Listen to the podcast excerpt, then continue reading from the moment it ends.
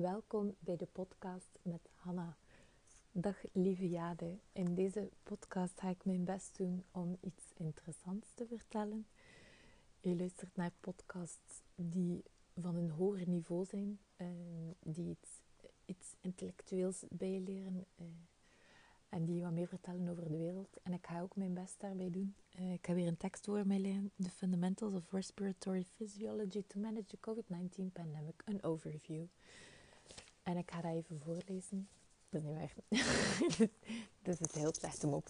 Um, nee, over van alles nagedacht wat ik je kan vertellen uh, voor een podcast. Dat is niet gemakkelijk blijkbaar. Maar um, dan moest ik plots denken aan een, een, een, um, een kort tekstje van Toon Tellegen. Uh, uit het boek Brieven aan, niemand, aan bijna niemand anders. Met illustraties van Jackie, Jessica Alberg. Maar dat zie je niet, want het is hier een podcast. Um, en dat was dus het tekstje dat ik gelezen had. Uh, en dat zo'n beetje een, eye-opener was van... Oh, de wereld is mooi. Maar dan op zijn Toon Tellehams. Um, dus ik vind het ook een beetje passen nu in die tijd. Uh, waarin dat dan niet altijd even gemakkelijk is allemaal. Maar eigenlijk... Uh, kijk, ik ga het gewoon voorlezen. Ik ben niet zo'n goede lezer, dus ik doe mijn best. Maar hier gaat hij dan. Op pagina 55. Op een ochtend in de winter kreeg de eekhoorn een brief. Het was een zwarte brief. Hij had nog nooit zo'n brief gezien. Hij fronste zijn wenkbrauwen en las: Dit is een sombere mededeling. Alles gaat mis. Meer stond er niet. Er stond ook geen afzender onder. Maar er stond ook niet boven dat hij aan de eekhoorn was gericht. De eekhoorn ging in zijn stoel zitten. Hij wist dat de wind zich nooit vergiste. Hij las de brief nog, nog een paar keer, maar elke keer begreep hij hem minder. Toen trok hij zijn dikke jas aan en ging naar de mier. Het sneeuwde en het bos kraakte van de vorst. Rillend van de kou klopte hij bij de mier aan en, legde hem de, en liet hem de brief lezen. Ja, zei de mier, dat is een sombere mededeling. Wat is dat misgaan? vroeg de eekhoorn. Misgaan, zei de mier pijzend. Ja, ik probeerde aan de eekhoorn uit te leggen wat misgaan was. Het werd een lang en ingewikkeld verhaal en toen de mier was uitgesproken, had de eekhoorn het gevoel dat er een zware steen op zijn rug lag en dat hij nooit meer onder die steen uit zou kunnen komen. Maar wat misgaan was, wist hij nog niet. Laten we maar iets zoets drinken, zei de mier, zolang het nog kan. Zolang het nog kan?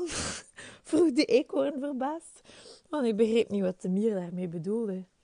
Ja, zei de mier, zo heet dat. Och, zei de eekhoorn. Ze dronken iets zoets en zwegen. De wind loeide door de bomen. Toen de avond viel, zei de mier: Je moet maar gaan, eekhoorn.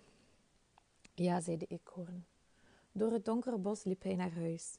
Zolang, nog kon, zo, zolang het nog kan, loop ik naar huis, dacht hij.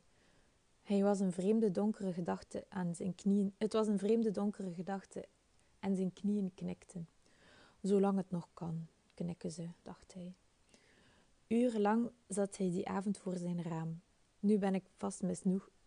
maar ik kan echt niet zo lezen. Mijn excuses. Daar gaan we. Nu ben ik vast mistroostig, dacht hij, terwijl hij naar de duisternis keek.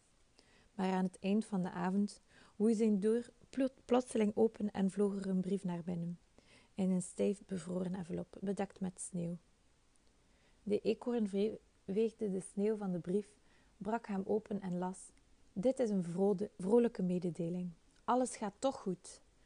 Het was een eigenaardige brief, maar de eekhoorn klom op zijn tafel en zei tegen zichzelf: Nu ben ik de olifant, en slingerde aan de lamp heen en weer, tot hij met de lamp en, al, en tegen alle dingen die toen viel en tegen alle dingen die toen braken riep: Dat geeft niet hoor.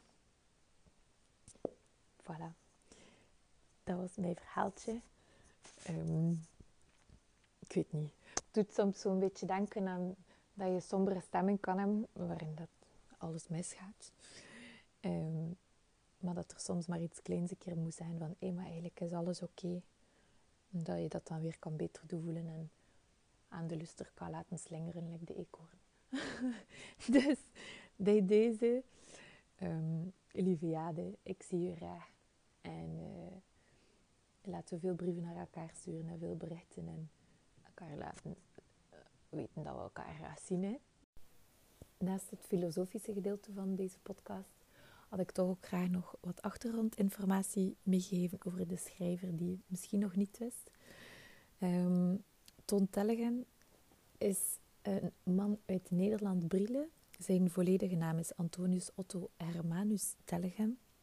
Er zitten daar veel mooie mogelijk babynamen in. Even uh, side note.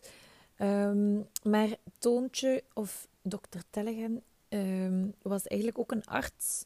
Uh, hij studeerde geneeskunde in Utrecht. Hij heeft ook drie jaar in Kenia gewoond.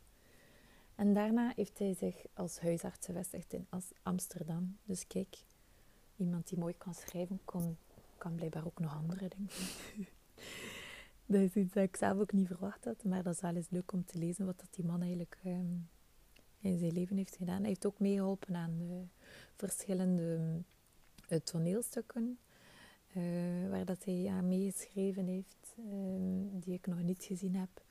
En ook heeft hij, een, uh, wat mij ook nog interesseerde, is dat hij een boek heeft geschreven. Dus we kennen sowieso de boeken over de eekhoorn en de andere dieren, de eekhoorn, de mier en de andere dieren. Maar hij heeft ook een boek geschreven dat zich um, hij, dat, hij, dat geïnspireerd is door de sterrenbeelden. En het noemt als een pijl uit een onzekere boog. En alleen al die titel doet mij dromen en lijkt me een fantastisch boek. Um, maar hij is dus eigenlijk begonnen als um, poëet eigenlijk, met volwassen gedichten en volwassen teksten. En eigenlijk daarna pas is hij beginnen voor kinderen schrijven. En het was in 1984 dat zijn eerste boek uh, over de mier en de eekhoorn verscheen. Uh, het zijn filosofische boeken en hoewel dat als kinderboeken uh, wordt gecategoriseerd, vind ik het eigenlijk mooi voor elke leeftijd. Um, en doet het wel deugd om eens een absurd verhaal te horen. Um, zoals gisteren las ik een verhaal over een, uh, over een taart die enkel mocht gegeten worden door mensen die geen zin hadden in taart. En de mier was heel hard aan balen omdat hij dus enorm veel zin had in taart. Dus, allez, dat is hilarisch, hè. Um, maar goed, hij heeft ook... Um, de lijst van boeken kan ik zelf niet tellen, die is veel te lang. Maar hij heeft ook uh, heel veel prijzen gewonnen. Um, heeft ook meegeholpen aan een film, een opera. Dus eigenlijk heeft hij een beetje van alles gedaan. En de kleinste side note, die ik, uh, niet side note, extra weetje dat ik ook nog wil geven, is dat zijn broer, Egbert Een hoogleraar milieukunde is aan het UvA. Dus kijk, Zoveel talent in één familie. Dus bij deze mijn korte podcast. Indien u geïnteresseerd bent in meer verhalen van Toon Tellegem, um, wil ik die gerust voorlezen met stotteren of zonder. Veel kusjes, tot ziens en tot de volgende podcast.